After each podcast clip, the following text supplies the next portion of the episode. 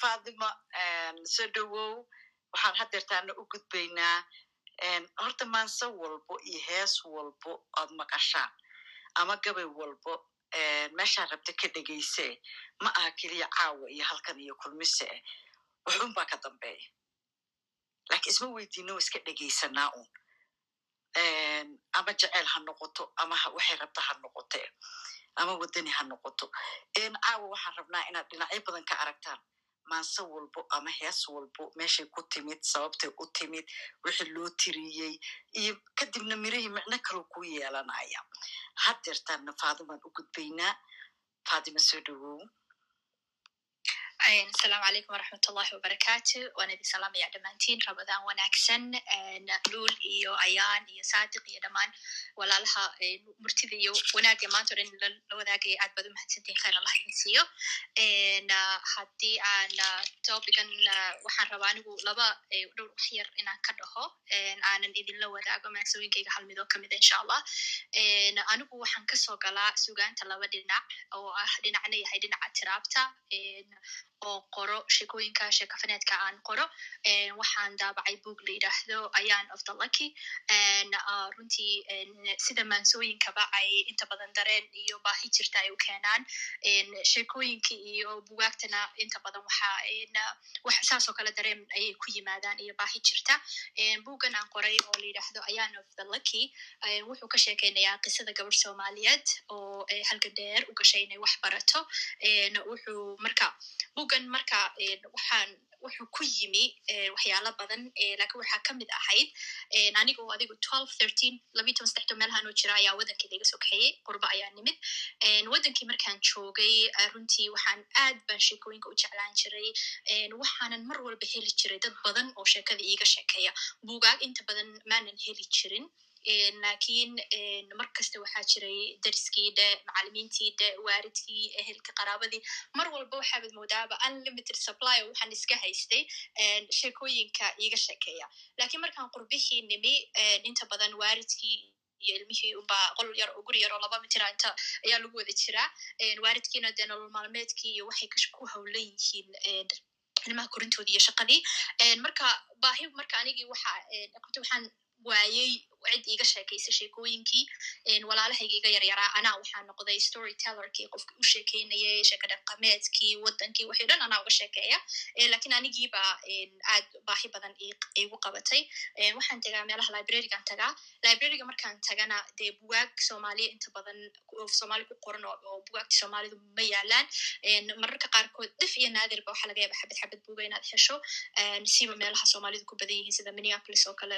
libraryadeeda laakiin aad loo helo marka baahidaasa jirta marka waxaan bilaabay maadaaman anigii waaye cid sheeke ii sheegta inaan anigii sheekooyinka inaan qoro aan bilaabo sheekadana aan rabay runtii dhowr wax oo waddankii dhalinyarada halkan ku koray inta badan fikir badan fiican waddankii iyo noloshii miyiga iyo nolosha magaalada fikir badan kama haysano marka inaan halkaas xoogaa aan wax ka taabto ta kaloo ahayd narrativekan markasta helaynay waxa weeyaan un dhanka xoogaa negativeka ohoo dagaalkii iyo qaxi iyo waxyaalaha unbay u badnaayeen marka balanced inta badan waxa maanan heli jirin oo marka waddankii laga sheekeynaya dhinaca negativeka unbana loo sheegi jiray marka waxaan isku dayay bal dhaqamo wan wanaagsan oo soomaalidu ay leedahay inaan ku daro oo characterska aan those characters aan siiyo oo ay tahay dhaqankan runtii soomaalidu ay aadka u leeyihiin oo isgarab istaaga iyo iscaawinta qof soomaaliya runtii hadday doonto reeri labadiina reeroodba waddankii haba isku laayaan siiba qurbaha markii la joogo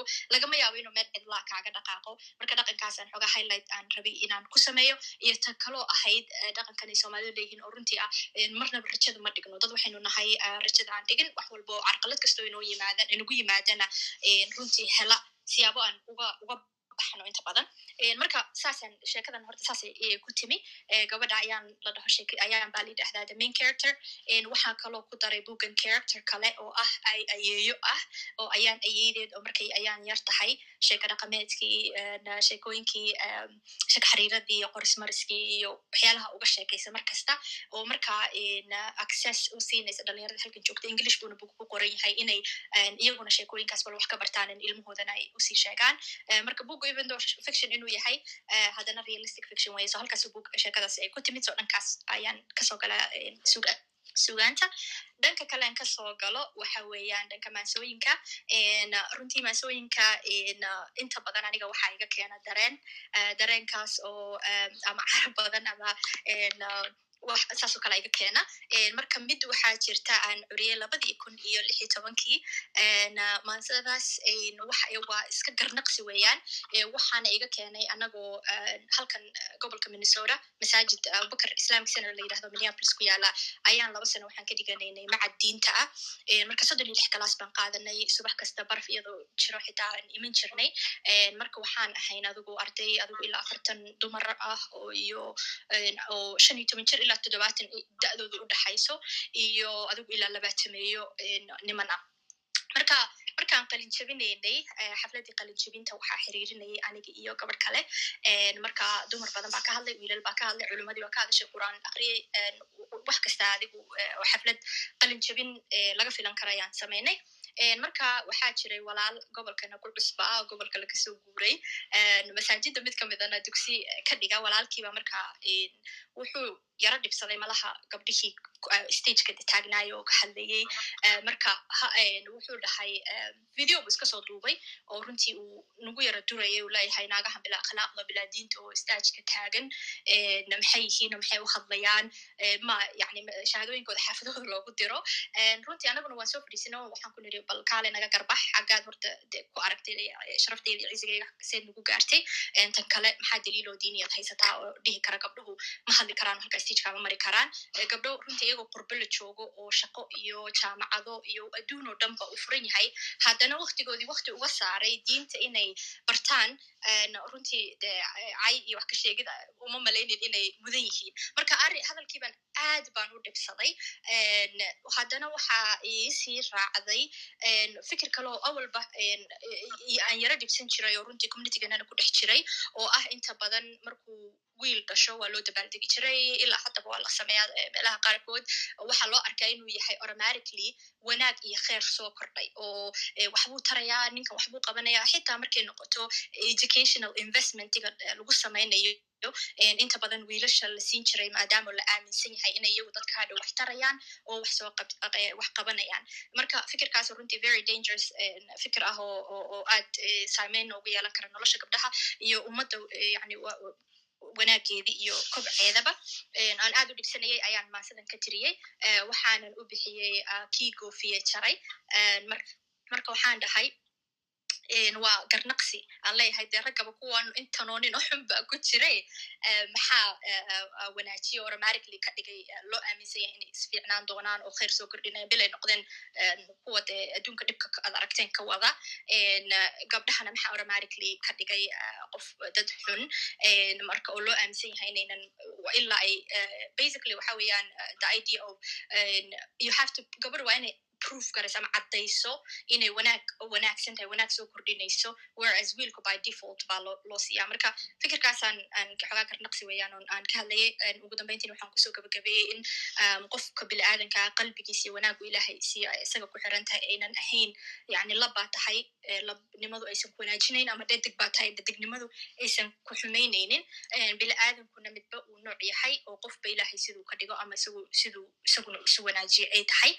Marka maasadeedaan u soo noqdo waxaan dhahay gar haddaan la eexayn gurigiis ninkii gubay gacalkiina gowracay gablan hooyadii baday maxaa libinta iyo guul iyo sharafta gebigeed guudkiisa loo suray gaajo kiina badayee geedihii badnaa iyo nabaadkiiba gooyee gam ka siiyey badidood maxaa hees giraanliyo giblo loogu tumayaa ugaartii ugaarkiyo gooninoo ahaydee laynagu garani jiray ninkii goofiyee jaray maxaa geesi loo yidhi garaadkiiyo waxgarashada maxaa gooni uga dhigay midka dumarka gaadee boob ku gubay walaashii ee god ku riday ayaydii mucoydiina gowracay dhammaanteedba gobanimo maxaa gaar u siiyo? Ugu soocay goonida gaalkaa ilaahay diido ku gafaya rasuulka sala allahu caleyh wasalam oo gebi qur'aankiyo gabdhihii rasuulkiyo guud ahaan saxaabada goldolooladood raba maxaa libin si gooniya loogu geeda waabaa qalbi gebi ahaantii kaba maran garaadkiyo guud ahaan waxgarashada gobo khayra aan wadan. Ninna geed ma saaro jannadii ma geeyee garaadkaaga dhuuxo balgarow aqsa xaajada. Waxaan uga gol leeyahay geedahaba qaar baa malabkaa la goostaa. Ku gaarayn macaanko qaarna waa sungubano gam ka siin makhluuqaba aadamuhuna gadaasu midba gooni yahaye bal giraanta fahano garaadkaaga maalo xaajada aan geed suray gunta gunta meel u soo saar luul iyo ayaani walaalo waa idinku soo celinaya waad mahadsantihin asalaamu calaykum waraxmatullahi barakatu aad iyo aad ba umahadsan tahay fadumo waxa waa isu soo nonoqon doonaa adeer saciid xuseen soo dhowow saciid jaamac xuseen saciid jaamac xuseen waxa waaye inta hadeertan nool inta ugu da'da weyn buu ka mid yahay. Tiam kulmisuna ka mid yahay. San haddaa idin sheega tiam kulmiso waxaad ka arki doontaan cagaarka u saaran. Adeer saciid waxa waaye qoraa abidkiis buu ahaa lakiin afka soomaaligii markii toddobaatan iyo saddexdii la qoray ayuu haddana soomaaligii u wareegay inuu maaragta af soomaaliga ku qoro sheekooyinkii gaagaabnaa oo af soomaaligii maaragtay qoraaladiisa ku daabaco sheekadii ugu horreysay toddobaatan iyo saddexdii uu af soomaali la qoro ku qoray waxaad ka heli doontaan kulmiso dot com haddaad tira aad tagtiin halkaa qoraa saciid jaamac xuseen baa ku qoran qoraaladiisa qaar baa hadda ku jira kumanyaalna way ku soo socdaan way soo gelayaan insha allahu tacaala adeer soo dhowow hadda saad u jeedidba caawa tix iyo tiraab baan ku jirnaa. Marka soo dhowow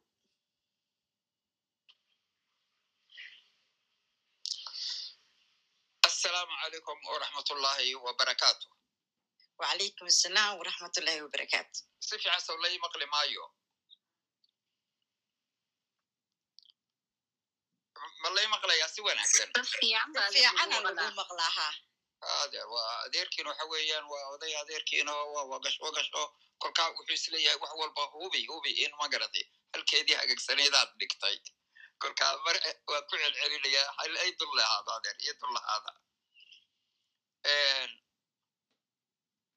Horta waxaan jeclaan lahaa inaan horta marka ugu horeysa aad iyo aad baan ugu faraxsanahay.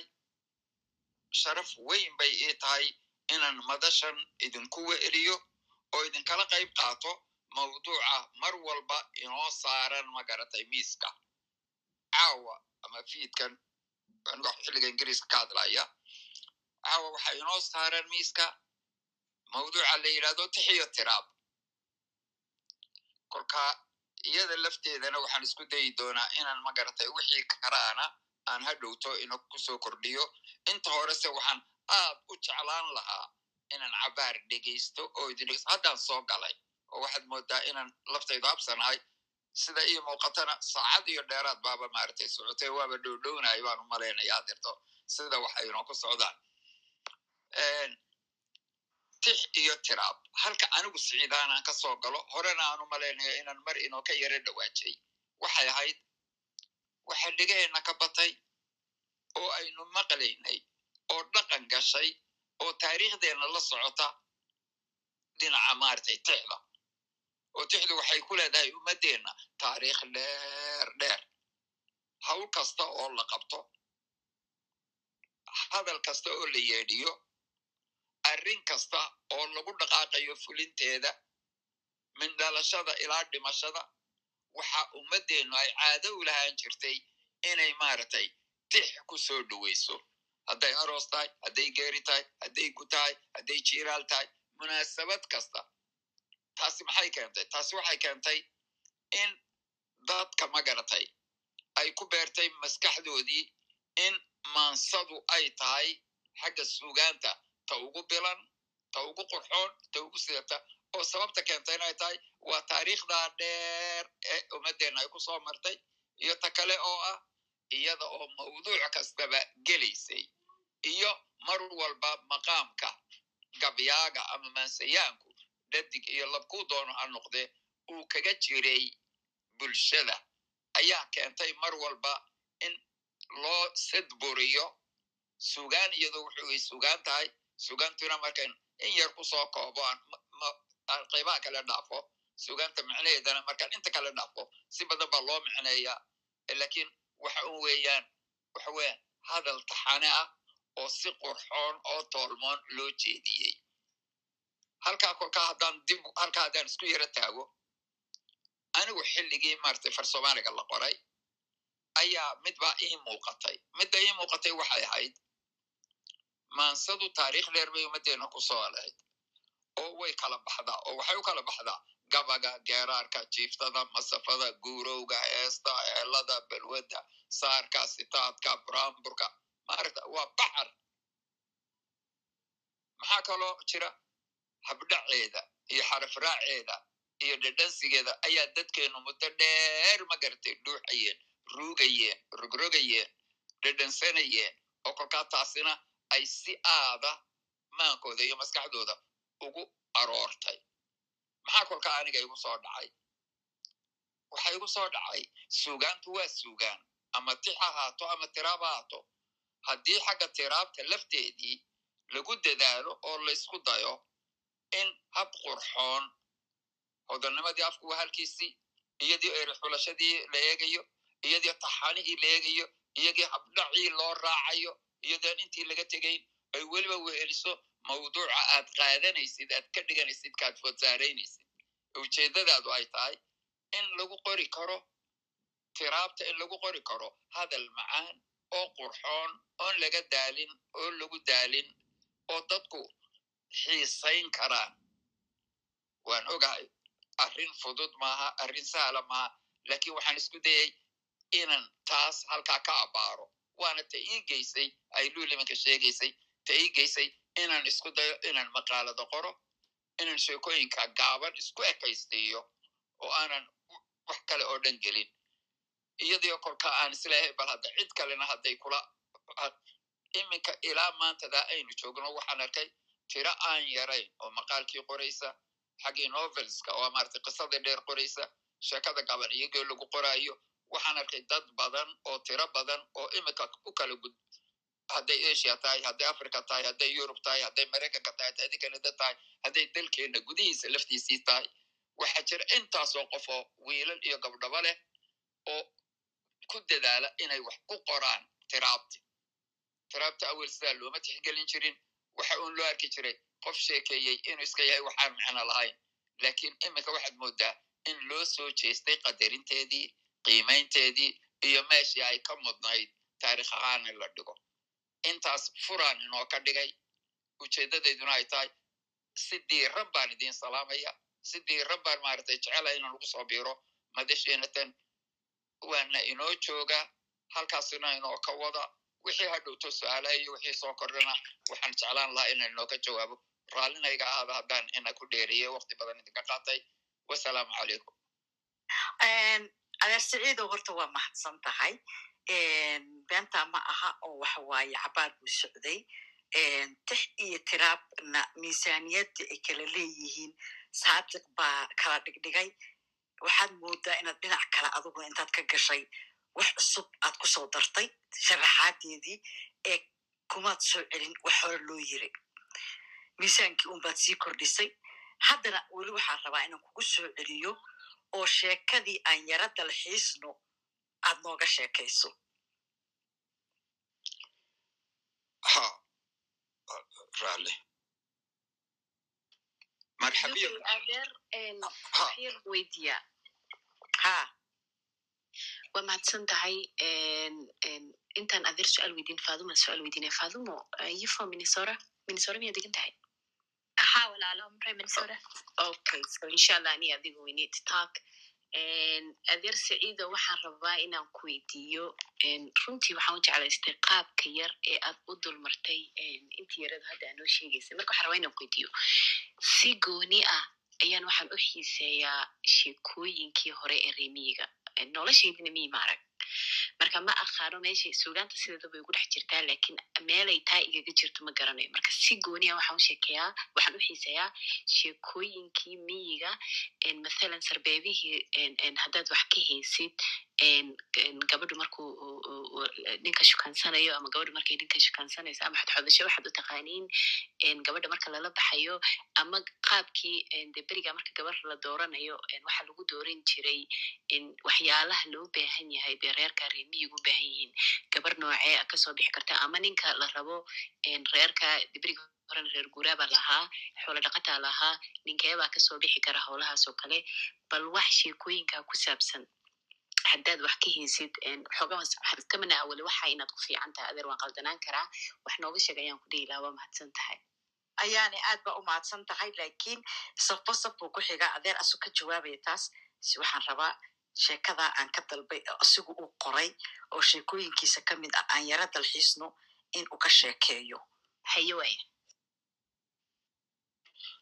ayaan adeer sidaa ay sheegtay luul anaa isku day intii magarata aan ka hayo ama intaan ka garan karo inaan ka jawaabo lakiin aan inoo horraysiiyo iyadaynu waktiga beekaaminayno taa ay iga codsatay luul idinkoo ay wada maqlaya aan yaro dalxiisno sheekooyin badan baan ka soo qaatay qaybo. Kolka qaybta ay haddeerto luul iga codsanaysaa waxa weeyaan sheeko ku jirta googooska la yidhaahdo aan yaro dalxiisno oo mawduuceedu wuxuu ahaa safar dayuuradeed. Safar dayuuradeed safar dayur safarkaa dayuuradeed. Waxa weeye halka aan ka soo dhoofayey iyo halkaan u dhoofayey halkaan ka soo dhoofayey waxa weeyaan magaalada la yidhaahdo cadan oo haddaan weliba u sii jilciyo dad badan oo aan cadanay maxaa tahay maqal?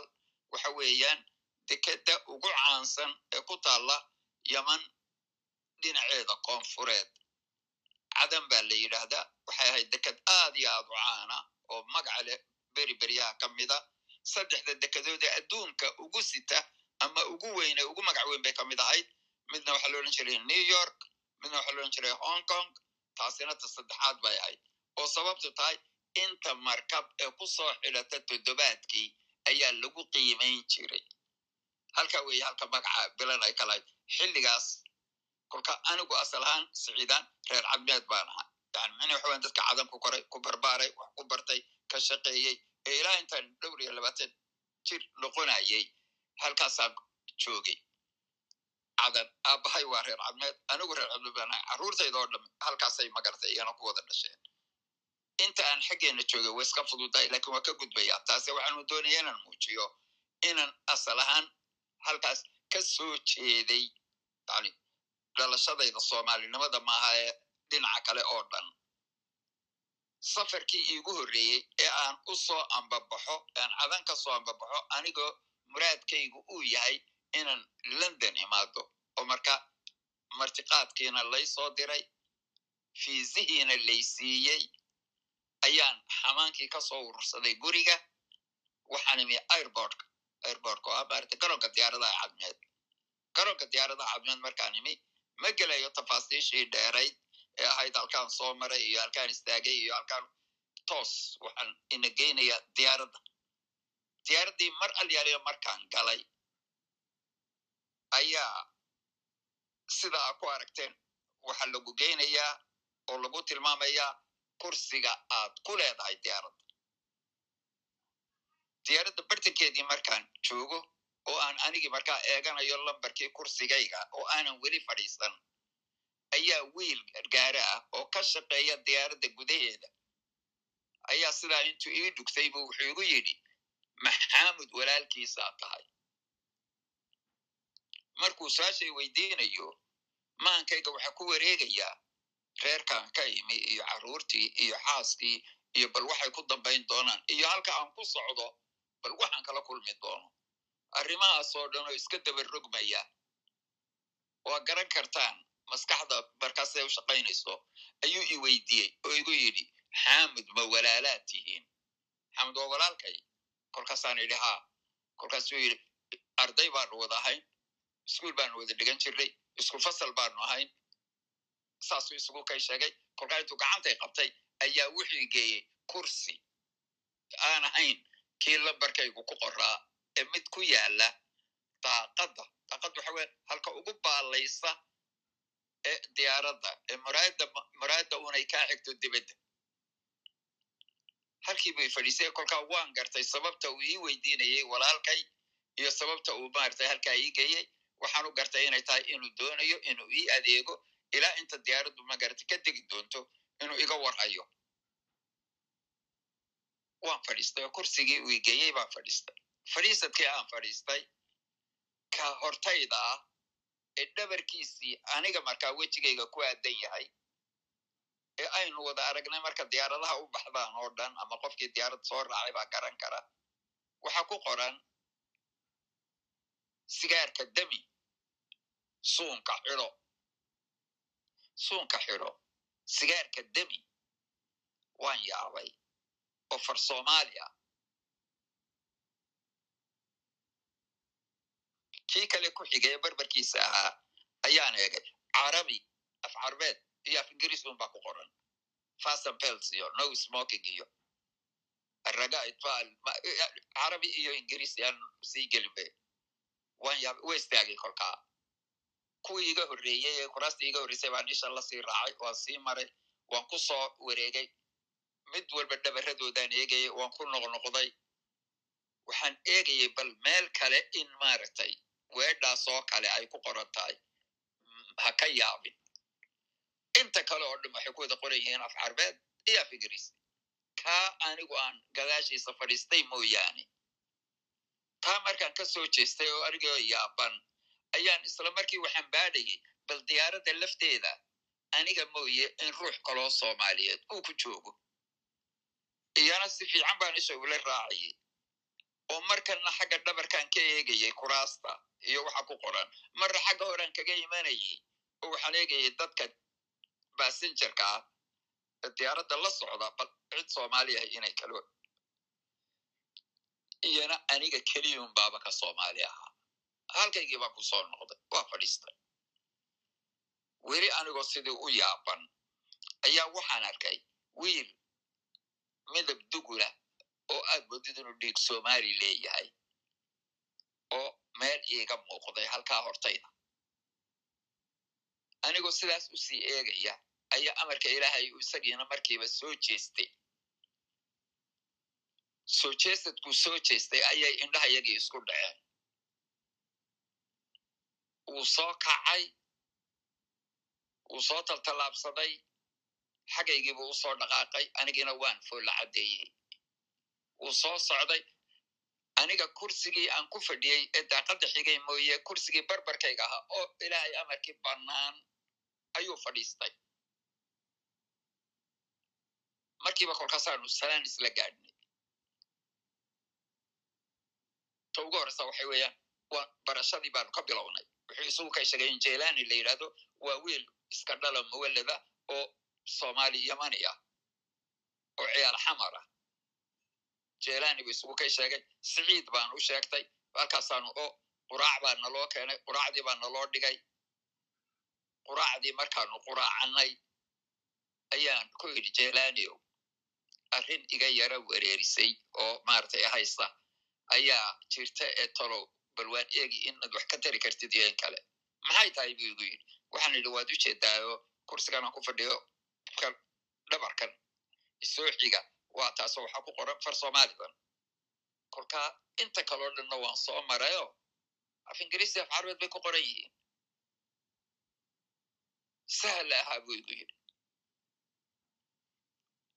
Ilaahow maanka hawaaye sahal ahaadii baa neef iga timi war khayr baad sheegaysaa ii waran jelani kolkaasuu yidhi dhibi ma jirto sahal weeye waxa kale aan idhi haye siday waxu dhaceen wuxuu yidhi diyaaradan aynu saaranahay diyaaradan lafteeda waxaa le sharikadda la yidhahdo luftanza luftanza waa diyaarad germana waa sharikad germana wuxuu yidhi diyaaradda tan waxaa lahaan jiray oo ku shaqaysan jiray oo ay ahayd diyaaradaheennii ay ka mid ahayd somalia ireland diyaaradaheedii ay soomaalidu ka soo iibsatay jarmalka oo weliba sharikadda luftanza ay ka soo iibsatay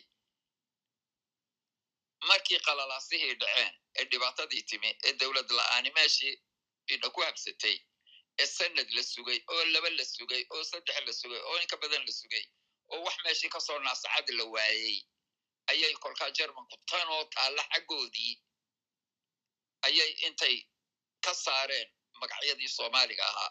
Dib u hagagaajiyeen oo u habeeyeen oo waxay ka iibiyeen yamanta. Xabadda tanina xabad lagu ilaabay meesha ayay ahayd. Markaasaan gartay qisada maaragtay yani arrintii iga wereerisay ama arrintii iga yaabisay iga yaabisay. Markuu sidaa iigu sheegay ayaan gartay intii kolkaa iiga dambaysay aan fadhiyaan wada fadhinay isaga ma weydiin. Ee anaa niyadda iska weydiiyey idinkana idin weydiinaya. Oo waxaan igu soo dhacay wallahi yamanta lafteedu ma hawl yara. Dhibaatooyinkaa idin soo marayna kama foga iyada lafteeda xasiloonideeda iyo dhibaatooyinka ka taagan. Ee ma laga yaabaa wakti aan dheerayn in iyana dhibi ku timaado oo diyaaradda tan meel kale cid kale laga sii iibiyo kolkaa magacyada tan af carbeedka ku qorani ay kuwo kale dul buuxiyaan ama beddelaan xilliga kolkaa aanu luul iswaraysanayno oo ahayd laba kun iyo siddeed iyo tobankii oo ay arrinta tan labadeedu aanu isla laba gacmoodinaynay ayaan luul weydiiyey lafteeda oo ku idhi luuley maxaad u malaynaysaa yamantii aad ayd sheegayey walaa cadantiibaa halkii joogto sideedii ah walaa garoonka ka soo dhofay baa kii ah walaa diyaaradihiibaa sidii ah. Innakaaba layna qaatee arrinta ka taagani. Sidaynu iminkaba u jeedno waa damdaguugan ee kolkaa xaggaad u malaynaysaa bay diyaaraddii aan soo raacay maanta. Tallaatolow iyo yaad u malaynaysaa afkeebaa ku dambeeyey in maaragtay astaan looga dhigo dhabarka lagaga qoro intaasay ahayd sheekada ay iga codsatay iminka iyo mid yaroo kaleoo ku saabsanayd xabadi keentay laakiin luul baan u dhaafayaa horta intaa intaan ku ekaysiiyo. Maasha allah adeer aad baad umahadsan tahay bad baa tahay lagaa dhamaan maayo anigu haddaan galo dhankaas leh maadaama aan xogogaal ahay. Caaway berri waan soo fadhinaynaa marka noo joog allaha ku diiste. Shukriye ma joogtaa si wanaagsan. Shukriye maansadii haweenka aad u tirisay baan doonayaa adigoo xoogaa yarna warbixin hadda ka bixinaya marka hore. Waayahay ayaan haddaan isu raaciyo. Labadii ereye keliya waa gaaban tahay. Haye haye ayaan isu raaci. Raalli ha layga hadlo baarak allah adeer ayaan waad maqlaysay? Sheekadan inoo mariyaan ina lahaa ma garata? Anigu halkaasaan ku soo koray oo kolkaa wax badan oo aan ururiyey ama hayo ama aan inoo garanayo ma ma jirto. Oo ku saabsan sheekooyinkaa qiimiga leh sheeka xiriirooyin baa la yidhahdaa habeen dhaweedna waanu ka sheekaysanay dhowr meelood ayaa lagu kala hayaa. Adigu maadaamaad reer minnesoto tahay waxaan filayaa meelayowga aanu aad u tuhunaa waxa weeyaan waa kooxdiina iyo museumkiina iyo siciid saalax iyo tiinkiisa iyo halkaas xog weyn weyn baad ugu tegaysaa oo mawduuca ku saabsan dhaqankeenna iyo hiddaha iyo sheekooyinkii. Marka lama qori jirin berigaas badana ha la curiyo lakiin lama qori jirin ee waa laga sheekayn jiroon markii laakiin farta la qoray baa dad badani isku dayeen inay qorma u rogaanay. Waxaa jirta dhowr meelood finland oo nimca nuur aad ugu tegaysid sweden oo muuse dalmar aad ugu tegaysid meelo kale oo dadkaa hore aniga daadeyda iyo ku dhodhowaa aamina yaaxeen oo soo ururisay wax la yidhaahdo sheeka xiriirooyinkii hore oo si wanaagsan u qortay oo hordhacana gaariya u sameeyey. Oad weydiin kartid mataqan ama luul ama ma ama ama nimcanuura intaasun baan ku jahayn lahaa. Iminka waxaynu ku roonahay xidhiirkeenna kanina waa badan yahay meelo badan dadka ayna maqlayo xitaa xagga hoose joogaana wax badan bayna ku soo kordhinayaan. Oo maanta mar haddii la wada kulmayo layselayo si fudud baynu waxyaalaha ina ka sheeloon oo dhan aynu u heli karnaa. Intaasaan kaga baxayaa raalli ha layga ahaado waa mahadsantahay adeer ku soco waad mahadsantaha laalo? Haddabaan caawa waxaan islaa xagga ka yara gaabso maadaamay rabadaan tahayna arrimaha dhalinyaranimada iyo hagelin lakiinse luul baa iga codsatay. Waxaan islaa xagga wadaninimada iyo xaaladaha waddanka ka taagan. Bal xaggeeda u yara leexo oo dhowr maasan ka curcuriyigal lakiinse luul baa waxay dhahday maasadaasaan rabaa oo dhowr jeero horena kolley aanu meel isugu nimaadnay. Waan tirin doonaa maansadu ma laha yani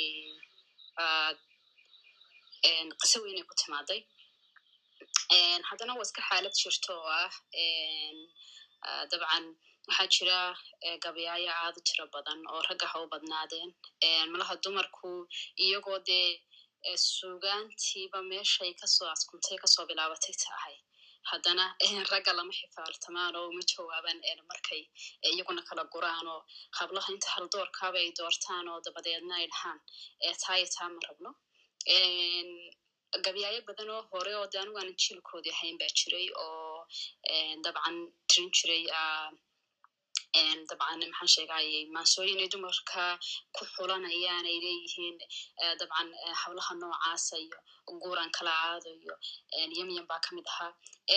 Marka anigu teeda wa iska yara dambeysay oo dabcan toodu godka ama maansada loo yaqaana gabaygay ahayd aniga jiifta weeye marka waxay iska ahayd dhalinyarnimada koley markii lagu jiro xaaladaas waxaa jirta dabcan marka lagu odranayo ama ad qof la hasaawi sidoo kaleeto ama inan la haasaawiso waxaa jirta su'aalah dadka ka dhaxaysa oo ah dabcan ninkaa dooranaysa gabadha ad dooranaysa talo maxaad ku dooran lahayd. Anigana marhaa su'aashaasa iga yara badbadatay dabadeedna waxaan is bal ka waran waa adiga wax horcuriye haddaad xoogaa yara harhariiqido intaas aan tixdiya tiraabta dabcan ku abalay aad xoogay tixa ka dhigtid dabcan waxaa laga yaabaa waxyaala badan oon suurtagal aha inay meesha ku jiraan oo marka aniga la fiiriyoba dee maansada waxa ku jira iyo dabcan nolosheeda say tahay ayadaaba is jebinayso oo dabcan mataqaanaaye aniga faas isula tegay marka wax mataqaanaaye qofka bini aadankana haddii uu aad dabcan isfahantaan uu ku qanciyo waxaad shuruudo badan oo kale ad ugu xidhaa ma jirto marka wada run maahan leeyahay. Wuxun baa ka suurtoobay.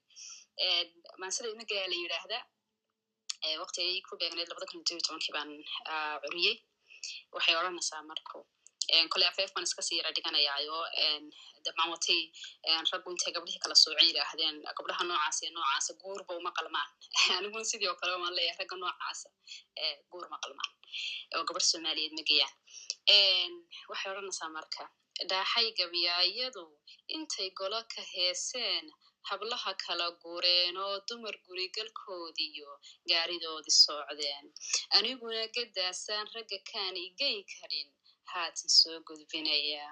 Gacalow in adeer gariif iyo xumaan iyo wejigabax ma yeelee? Weedhaydu guudkiyo geesyaanay kaa marin niban tala gorfayn karin aan gole ka fuul iyo gedka hadal aqoon oo garta niqi karayn oo aftahan guuna aan noqon gacalkiiyo xigaalkuna goortuu xifaaltamo niman xaajo goyn karin garaad laawey magayo goortaan xifaaltanno niman gabayo ii tirin geeraaro gaar iyo hadba gacalo igu sabin sarbeebaha gorfayn karin.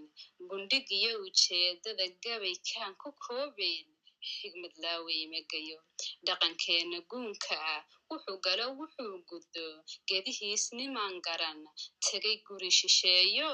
Faranjigu gardaadsho gawgiisa raaco dhaqan guuray magayo ninka guurka badane hadba gaaridii dumar gogoshiisu ula taal.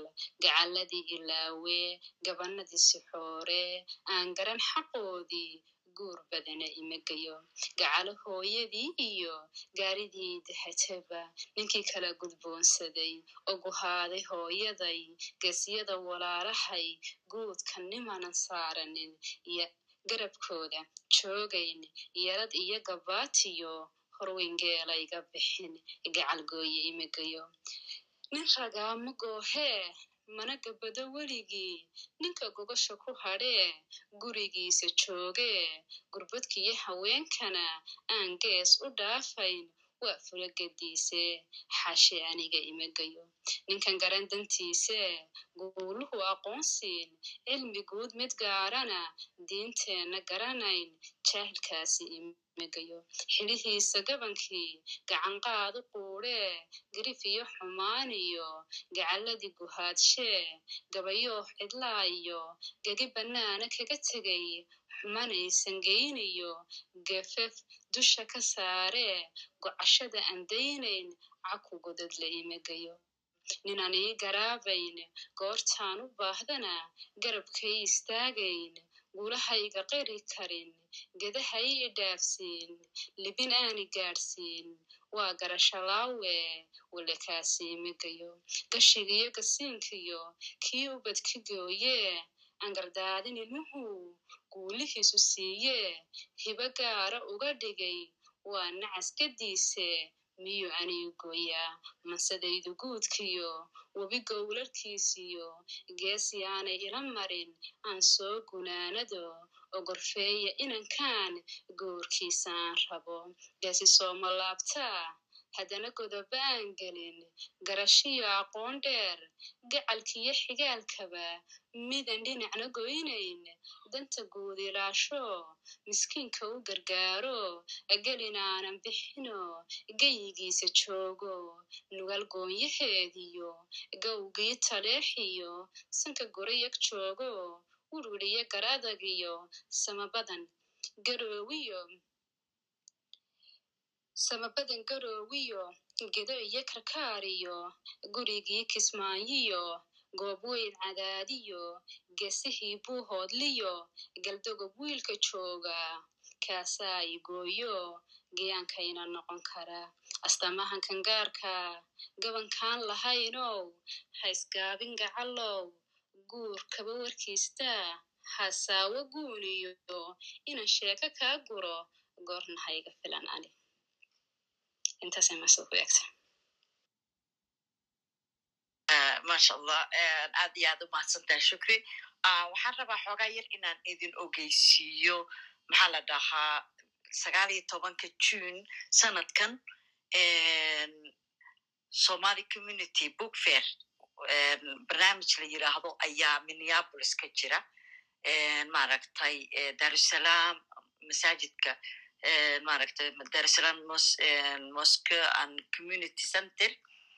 Marka halkaasina intii maaragtay ka agdhow waxa waaye meelahaasoo kale waa meelaha buwaagta laga helo. Aniga bug armaajada buwaagteyda buwaagta taalo oo dhan maktabad ugu tegi maysid sababtoo maadaama waddankii burburay dukaamadii buwaagta ayna oolin maktabadeeni ayna oolin buwaagtii waxaa la keenaa waa buugfeerada waa bandhiga buwaagta. Marka bandhiga buwaagta markaad ka qayb gasho waxaad helaysaa buwaag badan oo nuxur leh kuwa badan oo maaragtay aad ka faa'iido. Marka taabaan maaragtay idinsii ogeysiinaya june ma foga dawad un baa naga xiga insha allah sagaal iyo tobanka june waa faa'iida soo socota haddii allaha awoodalo o idmo intii ka agdhow iyo minneapolisana ka faa'iidaysan doonta.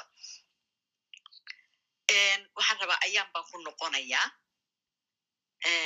Ayaani waxaan dhan la tirtirinayo. Markay noqoto adiga waxaad tahay maaragtay psychologista maaragtay bal xoogaa yar saamaynta ay yeelan karaan. Markii tabanaha dhankeeda laga aado ama toganaha dhankeeda laga aado ayaan rabaa lakiin inta aadan gelin waxaan rabaa murtida sideedaba maaragtay tiraabta marka la yiraahdo murti iyo madadaalo markaa maqasho. Ayada naftirkeedii baa taxda iyo tiraabta kala gelaysa. Marka qayb yar baan rabaa lixda ah inaa idinla wadaago oo mahmahayahii maaragtay mahmahayaha waxa waaye kuwo maaragtay keli keli ah waa kuwo labaaley ah kuwo waxaa jira saddexley ah kuwo waxaa jira afarley ah kuwo waxaa jira shanley ah lixley way socdaan. Marka anigu hadda hadaayi mid baan idinla wadaaga lixley ah haddana mid kale oo lixley ah baan idinla wadaagayaa. Waxayna leedahay lix waxyaabood ayuu cilmigu camalka kaga fiican yahay. Cilmi aan camal lahayn wuu jiri karaa laakiin camal aan cilmi lahayn ma jiri karo. Waa ko labo cilmi aan camal lahayn qofkiisa wuu anfacaa laakiin camal aan cilmi lahayn qofkiisa waxba uma taro saddex camalku waa mugdi cilmiguna waa iftiin afar cilmigu wuxuu joogaa kaalinta nebiyada shan camalkuna kaalinta boqorada lix cilmigu waa tilmaan alle. Camalkuna waa tilmaanta addoommadiisa. Halkaas markaan lixda ku qotomiyo xoogaa yar waxaan rabaa adoon ku dheeraanayna ayaanay saamaynta ay yeelan karaan markii wax dhanka togan laga qaado iyo saamaynta ay yeelan karaan markii tabanaha dhankiisa laga aado. Soo dhowo